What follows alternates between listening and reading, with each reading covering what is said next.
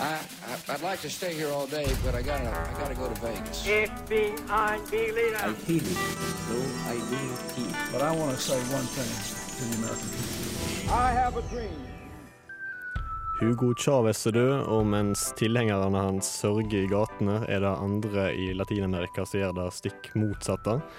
Vi skal se litt på den kontroversielle figuren Hugo Chávez i dagens sending av Globus. Og i tillegg så skal vi høre litt med vår radiokollega Trine om hvordan det er å bo i nabolandet Colombia. I tillegg til det skal vi ta en kikk på den framvoksende stormakta Brasil, og hvordan norske bistandspenger blir brukt der i landet. Før den tid skal vi få høre Shaky Graves med 'Calendar Girl'.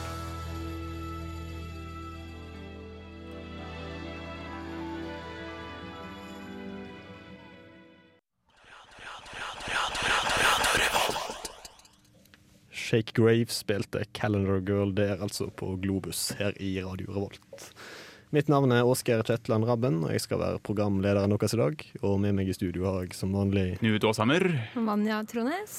Og dagens tema, tema er Latin-Amerika. Det er en region vi ikke snakker så veldig mye om her i Globus til vanlig, så det er vel kanskje på tide, sånn sett. Veldig spennende region. Det Ja. skjer mye der.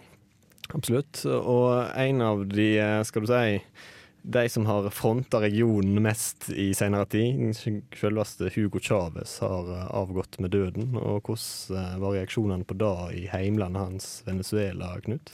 Det var, Man kan nesten sammenligne det med som Nord- Nord-Koreas leder døde. Det, var eh, land, det har vært stor landsorg og store tog med folk som var av hans støttespillere, som da har grått åpenlyst og sørga i lang tid. Og, og, da, og de foreslo jo at landet skulle på en måte være i et slags syv dagers sørgetilstand, da, unntakstilstand. Mm. Men uh, han var jo en kontroversiell figur, så det er ikke alle som har reagert på, på samme måten heller. Det er, ikke, det er vel ikke like stor sorg blant eh, de som i de øvre klasse, klasselagene i Venezuela og i omkringliggende land, for den saks skyld.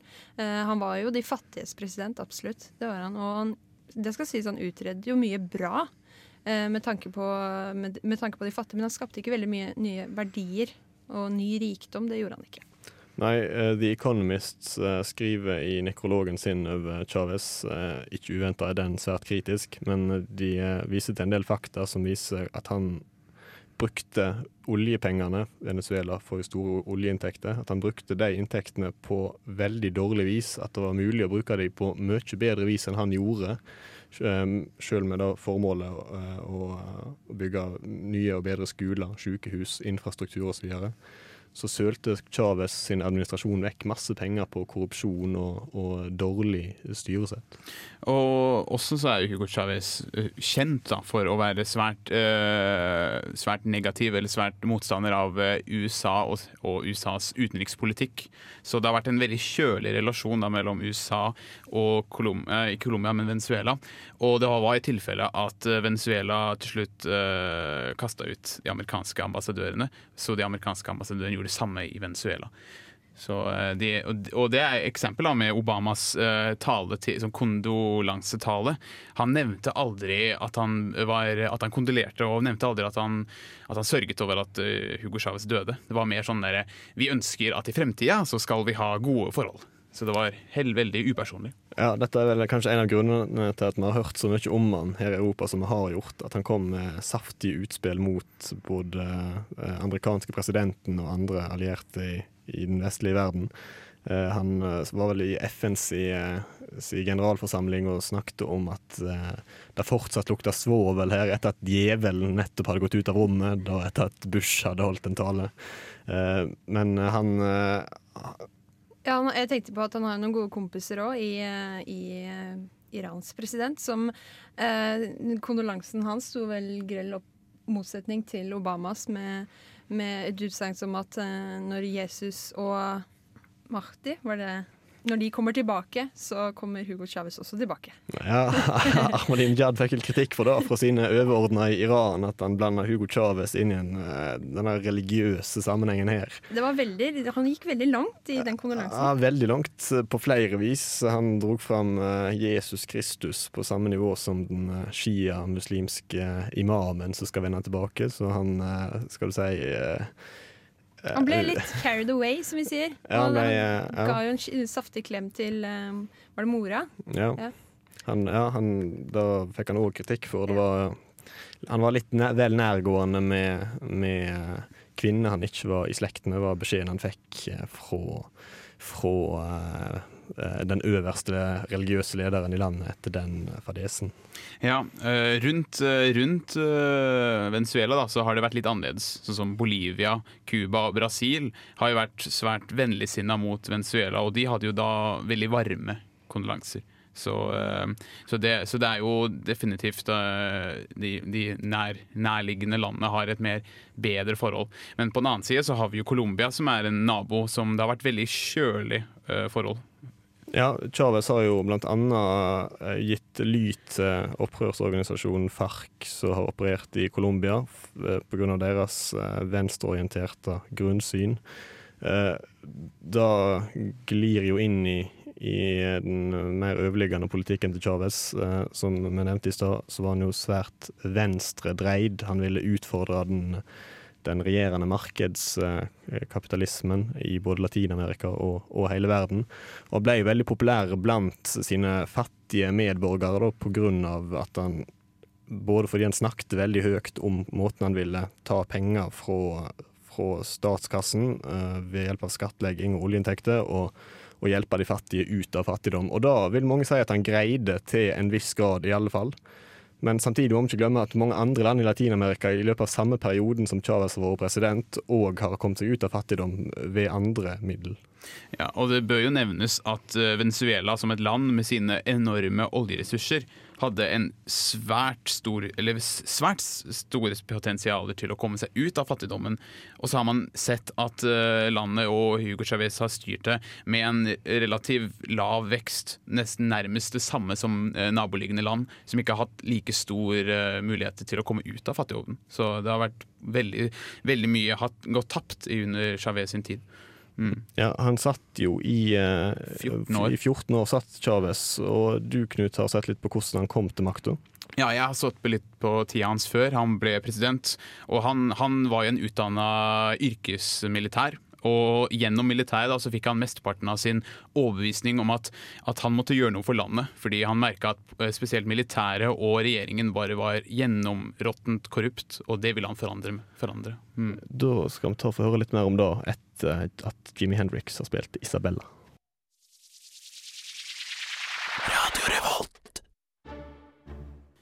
Hvordan kom Hugo Chávez til makten i Venezuela? Jeg tar en titt på hans tidligere liv som yrkesmilitær og kontroversiell agitatør for å finne spor etter hans politiske ønske om å revolusjonere landet sitt. Chávez begynte som 17-åring på krigsskolen i Caracas i 1971. Der var han det første kullet som ble introdusert for en reform i militærutdanningen i landet. Studentene skulle ikke bare lære om militære emner som taktikk og våpenbruk, men ble oppfordret til å lære sivile og akademiske emner samtidig.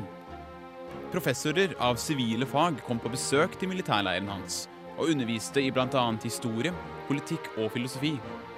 Hugo hadde vokst opp i en fattig arbeiderfamilie og opplevd mye av landets verste miljøer, urettferdigheten og kriminaliteten. Siden barndommen hadde han en indre misnøye med urettferdigheten, korrupsjonen og den skjeve fordelingen i landet. Etter hans fire år lange kontroversielle militærutdanning, og som fersk utnevnt offiser i hæren, begynte hans interesse for politisk reform å vokse seg sterkere. Hans erfaringer og handlinger i hæren forsterket dette. Han følte hæren var gjennomsyret av korrupsjon og uverdige holdninger. I hans tidlige karriere kjempet hans avdeling mot en rekke armerte venstreekstreme grupper. Hans erfaringer fra disse operasjonene bare økte misnøyen med militæret og selve regjeringen. Mens hans politiske overbevisning skulle komme på en overraskende måte. En dag på patrulje oppdaget han en gammel og utbrent bil som hadde blitt brukt av opprørerne for lenge siden. I bilen fant han en rekke gamle marxistiske bøker. Han ble straks oppslukt av bøkene. Han nevnte selv at denne hendelsen var det som overbeviste meg om at jeg måtte kjempe for en revolusjon i dette landet som var fullt av korrupsjon og udugelige, urettferdige ledere. Chavez ble i tillegg sterkt inspirert av legenden og generalen Simón Bolivar, som kjempet mot spanjolene og sikret Venezuela sin uavhengighet på 1800-tallet. Disse to faktorene var avgjørende for at Chavez ble en aktiv politisk undergrunnsleder. Chavez økte også raskt i gradene i militæret, og gjennom hans militærkarriere startet han to interne politiske celler med mål å overkaste regjeringen med makt.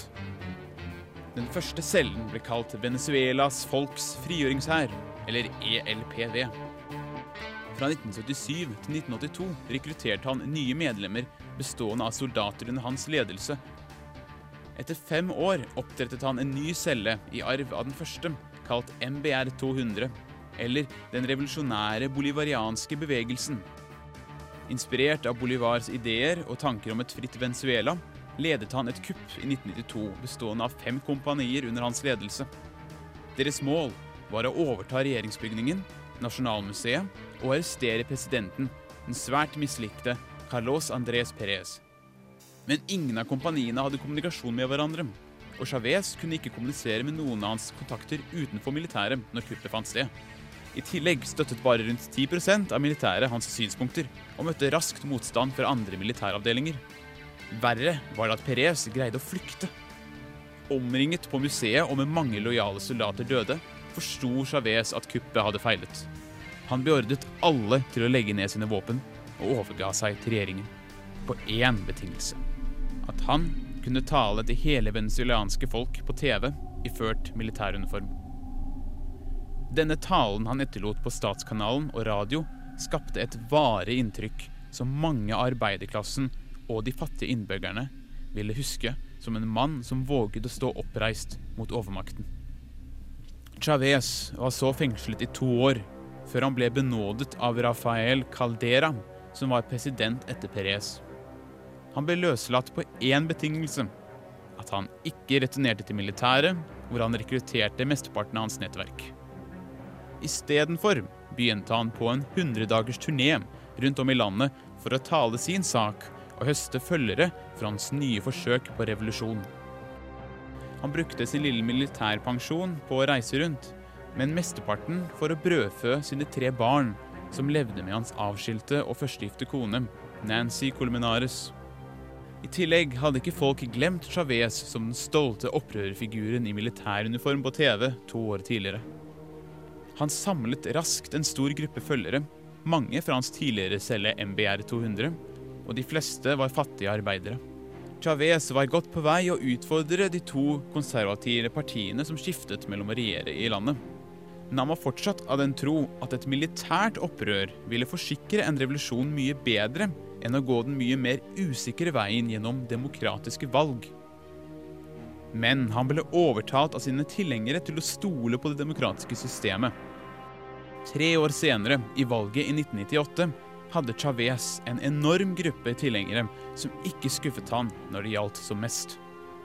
Med hele 56% av stemmene fikk Chávez majoriteten av setene i regjeringen, og Chávez kunne endelig tale til folket uten å bli avbildet som en kriminell. Helt siden starten av sin militærkarriere i 1976 hadde han ventet på dette spesielle øyeblikket. Hans første tale som president var klar. Gjenoppstandelsen av Venezuela har begynt, og ingenting og ingen kan stoppe den.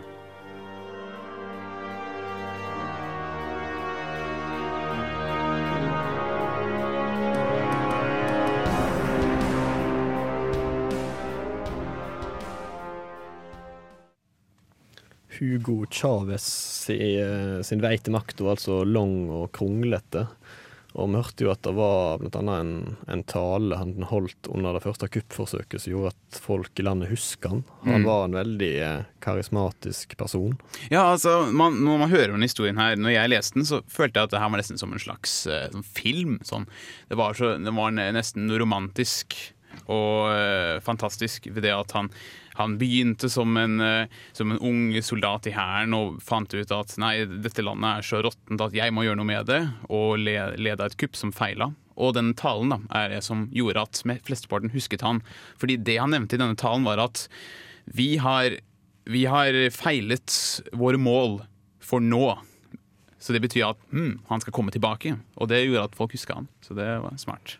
Mm. Og han kom tilbake. Ja, Han kom jo tilbake etter to år. Og, men det som er nesten uh, paradokset, er at han ble løslatt av en motstander, sånn at uh, han uh, kunne komme i makten. For denne personen som var den, han, han hadde som argument for å komme i makten Jeg skal løslate denne, denne viktige personen for å komme inn i makten. Han kom inn i makten, han løslot den, men han sa nei, du får ikke lov å være i militæret, for der har du mesteparten av nettverket sitt. Men, så da gikk han den andre veien, da, at han turnerte. Og det som skjedde var at til slutt så greide han å, å, å vinne valget, og han tok over makten fra som han som eh, løslot han. Så det var en, en ganske interessant måte å rullere på makten. Mm. Ja, kan du vel kalle det et feilgrep fra Ja, ja. hans side, da. mm. Sånn sett. Og når han først eh, kom til makta, så kan en vel ikke si at Chávez styrte helt etter demokratiske prinsipp sjøl, som han hadde kritisert sine forgjengere for ikke. Nei, det er det som er typisk. At uh, han, hør, han her uh, Chavez hørte ut som den nesten sånn perfekte personen som hadde vært, eh, vært i den fattige arbeiderklassen og, og visste om alle de forferdelighetene. Men så har på en måte boblen hans sprakk da når han kom inn i regjeringen. Og, og da har han gjort hva han kunne for at uh, gjennom hans karisma da, til å beholde makten og forsvare det han gjorde, ved å alltid si at jeg jobber alltid for folket, og jeg er en soldat, jeg vet å kjempe for dere. Så, og det har jo folk øh, åpenbart trodd på. Mm. Ja, Han har jo blant annet brukt penger fra statskassen til å drive personlig valgkamp, og han har eh, brukt statlige medier til å profilere seg sjøl. Blant annet så hadde han eh, hver uke sitt eget eh, talkshow i kveld med presidenten, eller hva Mm. det nå- nå heter. eh, der han kunne snakke så lenge han ville om hva han ville med de gjestene han ønskte. Men jeg tror at uh, han, var så populær uh, blant uh, veldig store deler av Venezuelas befolkning, så jeg tror at det rettferdiggjorde uh, den, den uretten han gjorde med å bruke de pengene på den måten. Så eh, han var så enormt populær, så det hadde ikke noe å si, rett og slett. Man, kan jo, altså, man kan jo si det at, uh, som Vanja sier, at, han, at alt det ille han gjorde uh, ble på en måte greit pga. hans uh, popularitet. Men vi, vi kan jo også se ok, han, er, han, har, han, har, han har sløst utrolig mye, og han har, mis, misbrukt mange muligheter. Men i hvert fall det han har greid å gjøre, er at han har innført et, et program om å, å prøve å eliminere analfabetisme. Og at han prøver å få innføre at alle skal ha en utdanning. Alle skal ha grunnskoleutdanning og mulighet for videregående utdanning. Så det er jo bra. Og en annen ting han har eh, gjort med samfunnet i Venezuela, er en helt grunnleggende endring som ennå ikke har foregått i alle andre land i Latin-Amerika, nemlig at den fattige delen av befolkninga har blitt bevisste at de kan, eh, kan bli hørt politisk sett. Mm. Eh, Fram til Chávez kom til makta, så var eh, lederne i Venezuela som du sa i eh, stad, Knut, eh, konservative. Mm. Det var stort sett overklassen, de rike, som eh, brukte stemmeretten sin. Så systemet hadde ikke blitt utfordra ennå. Nå har hele den fattige underklassen i Venezuela blitt politiserte, og da det kommer til å føre til at de konservative partiene kommer til å ha problem med å ta makta tilbake igjen, sjøl etter at den karismatiske og autoritære lederen til venstresida har gått vekk. For nå har de, nå har de et ikon, da, til og med et avdød ikon, som en sånn eh, øverst på tronen, som alltid vil stå der. Uh, så jeg tror at det blir vanskelig, som du sier, Oskar, for høyresiden framover. Mm. Eh, Hvordan det ligger an i eh, andre land i Latin-Amerika, da skal vi ta og snakke litt om senere. Nå får vi snart besøk av eh, vår kjære kollega Trine, som skal snakke litt om eh, Colombia sammen med. Eh, Aller først så skal vi høre Pond med Giant Tortoy. Pond spilte enorm skilpadde der i Globus i Radio Revolt. Og eh, nå har vi endelig fått besøk av eh, Trine, vår kollega fra eh, studentradioen i Trondheim. Yeah. Velkommen til deg. Jo, takk. Takk, Det er hyggelig å komme på besøk. Ja, Hyggelig å ha deg her når vi snakker om Latin-Amerika spesielt. For du har bodd i Colombias hovedstad Bogotá. Ja. Hva gjorde du der, kan vi spørre til å begynne med? Eh, Jeg, ja, jeg bodde der nesten to år siden nå, faktisk. Det begynner å bli veldig lenge siden, føler jeg. Eh, Men jeg reiste rett og slett til Bogotá for å lære spansk, egentlig i utgangspunktet. Ikke noen sånn konkret plan om hvordan. Jeg tok bare noen måneder med kurs. Og ellers så lærte jeg det sånn barprat, som man kaller det, eh, med å møte folk og, og sånne ting. Så jeg var der et halvt år, da. Mm. Mm, og da bodde du hjemme hos uh, folk i Bogotá, eller hadde du din egen leilighet? Eh, nei, jeg bodde sånn type hybelordning, cirka. Eller sånn, jeg bodde i kollektiv da, med en dame, eh, men hun var jo ganske voksen. Hun var vel sånn 30 år, eh, så vi hadde hvert vårt rom, hvert vårt bad, men eh, felles stue og kjøkken og Mm. det Og hvordan er det for en, eh, for en norsk ungdom å flytte til et latinamerikansk konservativt land som Colombia? Hvordan er det å komme der til som enslig jente? Um, det var jo Jeg husker veldig godt eksempel, hvordan min far reagerte rett før jeg skulle dra. Fordi jeg tror nordmenn generelt har veldig, veldig fordommer da, mot mange land i Latin-Amerika, Bolivia, Colombia, sånne typer land, pga. mye dop og sånne ting, og mye høy kriminalitet. Eh, men i bunn og grunn så var det veldig fint. Eh, folk var Akkurat i Bogotá så er ikke klimaet sånn super sydenvær, så de var ikke vant til å ha veldig mye turister. Så folk var veldig åpne og veldig hyggelige, veldig glad for at jeg var der. Og overrasket de også. Så det var veldig sånn eh, det var veldig hyggelig opplevelse å komme dit. Det, folk var åpne, ville være, bli kjent med meg, og, og det var veldig veldig spennende. Ja, hvordan, hvordan var vennemiljøet med deg og sånn? Jo, jeg hadde et par venner fra en organisasjon eh, jeg har vært med i fra tidligere, som jeg hadde fra før, så jeg var på en måte ikke i den forstand ikke helt alene da jeg kom dit. Men eh, før jeg kom ned, hadde de fikset leilighet, de hadde funnet kanskje hvilke skoler jeg ville gå på, de kom og hentet meg på flyplassen. Jeg hadde liksom Den første uka hadde jeg helt ferdig planlagt med på en måte ting jeg skulle gjøre. Eh, Så jeg hadde Det var veldig lett å bli kjent med folk. Folk var veldig lystne på å bli kjent, men det var faktisk, og det var vi litt inne på, eh, gutter mest da, som hadde lyst til å være venner med meg. Eh, som var mest åpne, i hvert fall, for på en måte å bli kjent, følte jeg da. Ja, jente ble du litt mer uglesett av, eller? eh, Ja, det var på en måte Det var litt rart. Eh, Jeg følte at de hadde forhåndsdømt meg til jeg på en måte kunne bevise det motsatte. At jeg var et ålreit menneske.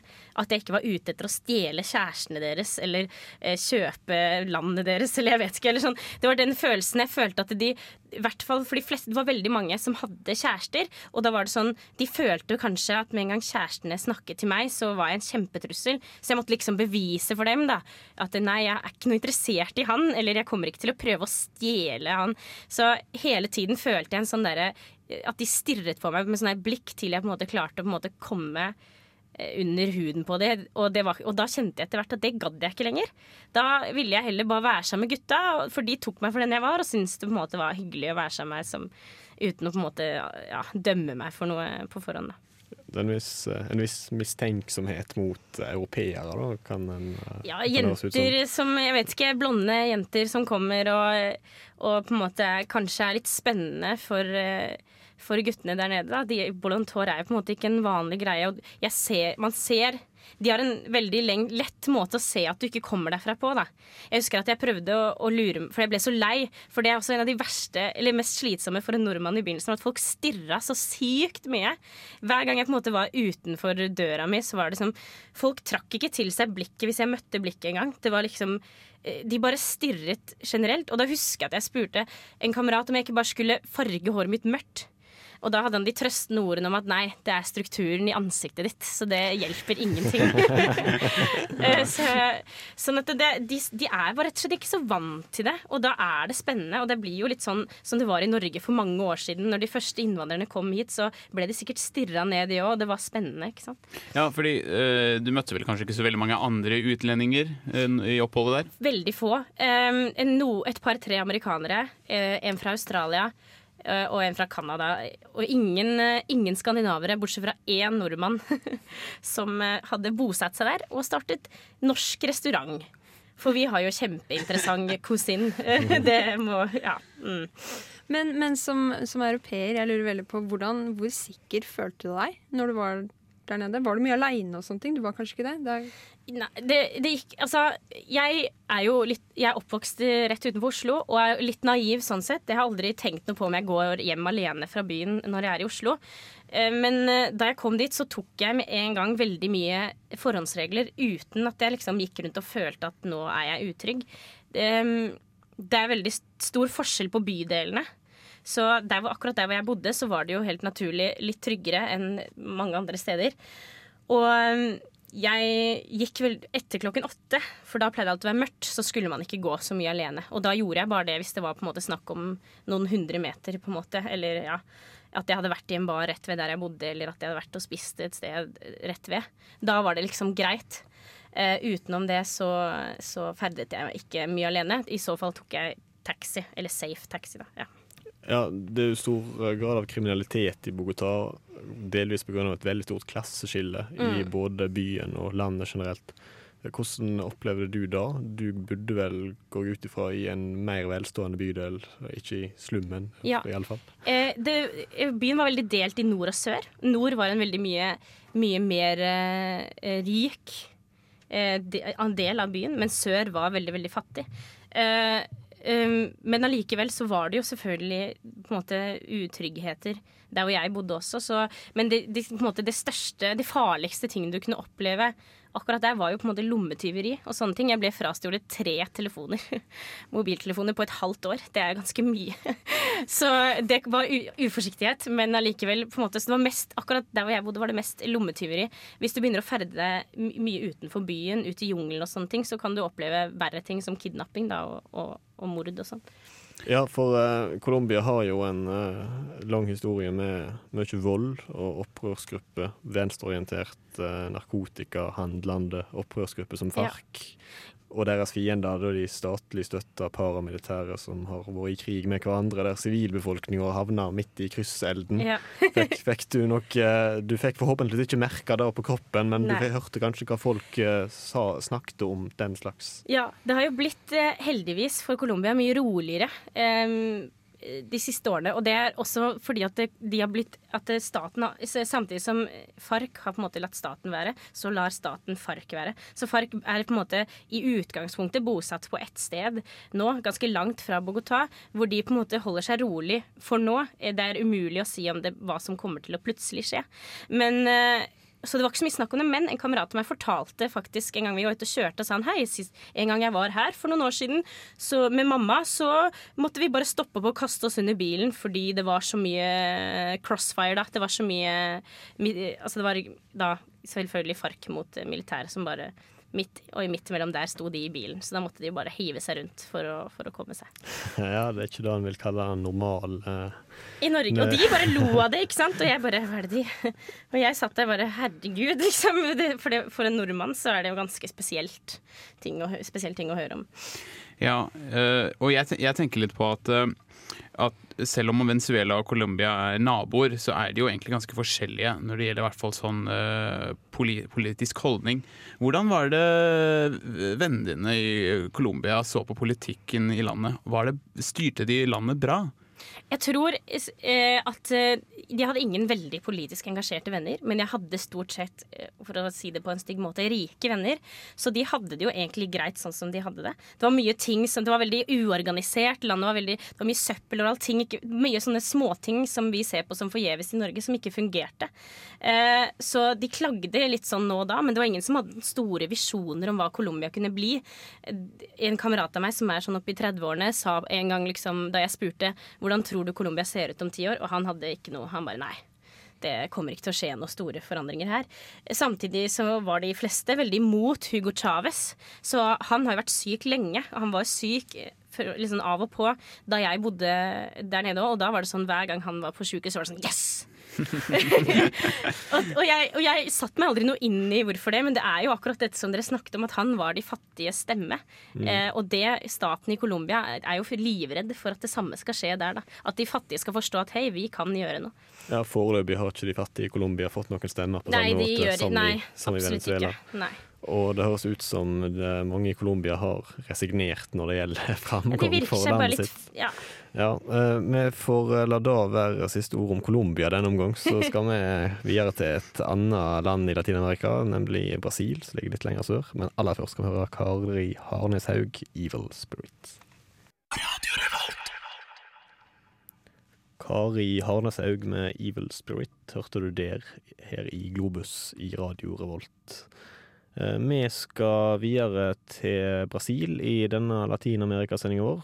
Og vår kjære kollega Sigmund Grønli Bolme har sett nærmere på Norges sitt eh, bistandsbidrag til denne framvoksende stormakta.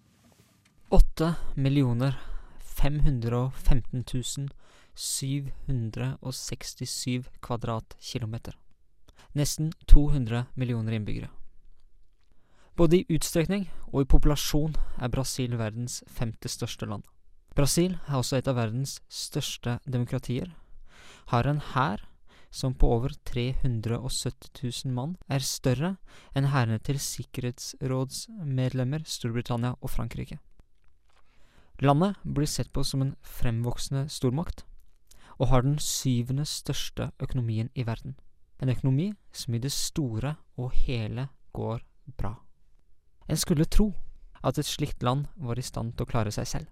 Men Brasil mottok i 2012 1,4 milliarder kroner i bistand fra Norge. Tenk på det her. Bare ideen om at et land med fem millioner innbyggere skal måtte hjelpe et land med nesten 40 ganger så stort folketall, er nesten litt absurd. Mange har også spurt seg hvorfor Brasil, som i utgangspunktet går godt, skal motta slik støtte. Trenger de virkelig all denne bistanden? Antagelig ikke. Men jeg tviler på at brasilianske politikere vil klage så altfor, altfor mye. For Norges del er det sikkert ikke så dumt å skaffe seg venner blant de voksne stormaktene. Hvis USA fortsetter på sin nåværende kurs, og bestemmer seg for å fjerne seg mer og mer fra Europa til fordel for Asia, og hvis EU fortsetter å insistere på å forsøke å micromanage sine medlemsstater, istedenfor å fokusere på eksterne utfordringer, så kan det være en fordel å ha sterke kompiser andre steder i verden. Og særlig kanskje etter at vi ertet på oss Kina så til de grader. Nå er jeg selvsagt veldig kynisk. Og hvis norske myndigheter tenker på den måten, så håper jeg at det er som en liten bitanke og en bonus til det egentlige målet. Dette målet er uttalt å være miljøvern. Store mengder av verdens gjenlevende regnskog er å finne i Brasil. Og siden Norge ønsker å redusere mengden CO2 i atmosfæren, er en styrking av denne regnskogen et naturlig mål. Likevel burde ikke en demokratisk stormakt som Brasil selv være i stand til å beskytte sin egen skog? Stoler vi ikke på at stater utenfor Vesten kan drive miljøvern? Og i så fall, hvorfor er vi ikke sterkere inne i Kina? Det landet med kanskje verdens største forurensningsproblem. Jeg tror kanskje at svaret på disse spørsmålene dessverre er å finne i god, gammeldags realpolitikk.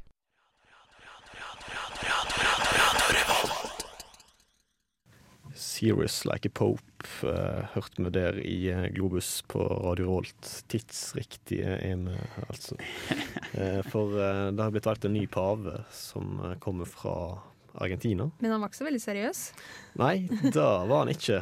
Han eh, skålte og lo og ville eh, helst ikke reise i limousin eh, ut fra Vatikanet, men han ville ta bussen med resten av gjengen, som han sa. Da mente kardinalene.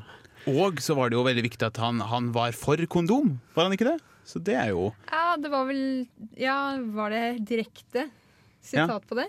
Nei, jeg, jeg har i hvert fall hørt det sånn, det, er- det blir jo ryktespredning som bare det, men det var i en avis hvor det sto at han var liksom eh, Han var for kollektivtransport og, eh, og, eh, og safe sex. Det sto liksom sånn på tittel, så man vet jo aldri, men det er i hvert fall mye bedre enn forrige.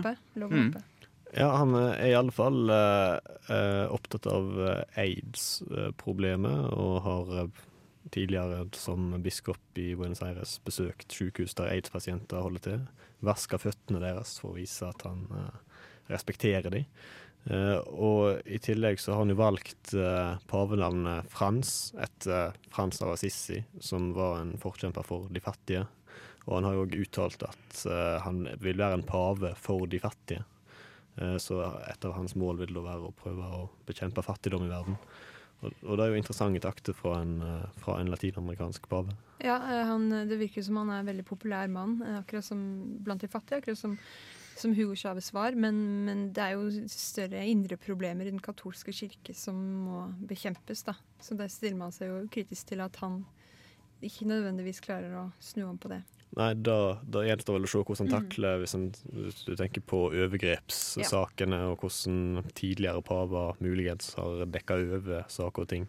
Da gjenstår å se. Ja, for det, det var jo det folk håper, da, at han nå skal begynne å grave inn i, eh, inn i Vatikanet og, og få fram sannheten.